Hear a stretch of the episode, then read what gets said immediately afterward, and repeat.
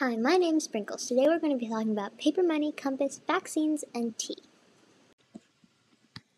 In the medieval Chinese times, they used vaccines. They learned how to inoculate people against smallpox. Now they call it vaccines, but they used to call it inoculate, which protected people against smallpox. And now, when we get vaccines, it helps us not get diseases like flu or any others.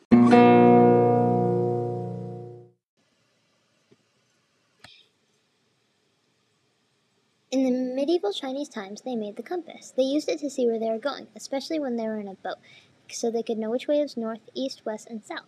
Today, we don't normally use compasses in daily life, but people still use it today. In the medieval Chinese times, they made paper money easier to bring around than coins because coins were heavier. Paper money was invented by the Chinese in the late 8th or early 9th century. Paper money was ma- made by wood blocks. Today, we have credit cards or online payments like PayPal.